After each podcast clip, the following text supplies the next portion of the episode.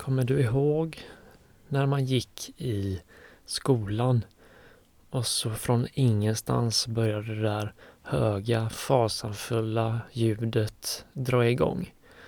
Och alla blev vilsna. Vad ska man göra? Vad ska man göra? Och så var det någon som ropade det är brandlarm. Och så började alla eh, rada upp sig och ta på sig och följa de instruktionerna som man hade fått.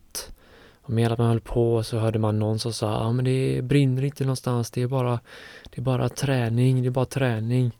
Men ändå så följde alla reglerna, alla tog på sig, alla gick ut för man vågade ju inte riktigt chansa på att det inte var träning.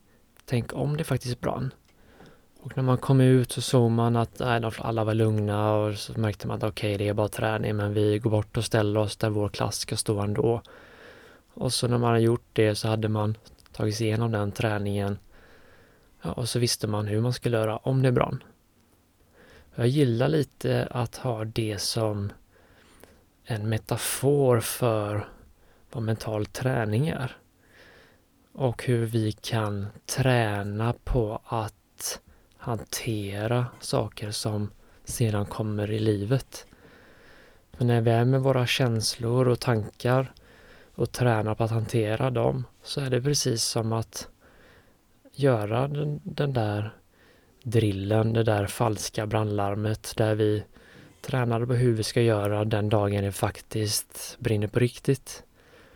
Och det är samma här med den mentala träningen, att här tränar vi på hur vi ska göra när det faktiskt någon gång är ett brandlarm som drar igång på riktigt. När ångesten kommer med full fart eller när depressionen kickar in eller när nedstämdheten smyger sig på eller vad det nu än kan vara.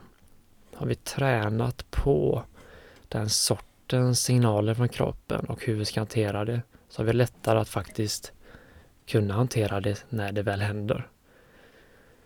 Så idag tänkte jag att vi skulle träna på att vara bekväma med våra känslor och försöka sitta lite i lugn och ro med dem utan att springa iväg och träna lite på hur vi kan hantera dem.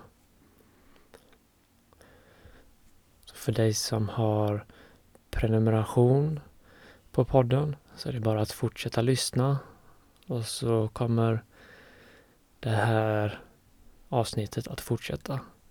Men för dig som inte prenumererar på podden så är detta ett låst avsnitt och du är väldigt välkommen att börja prenumerera för 19 kronor i månaden.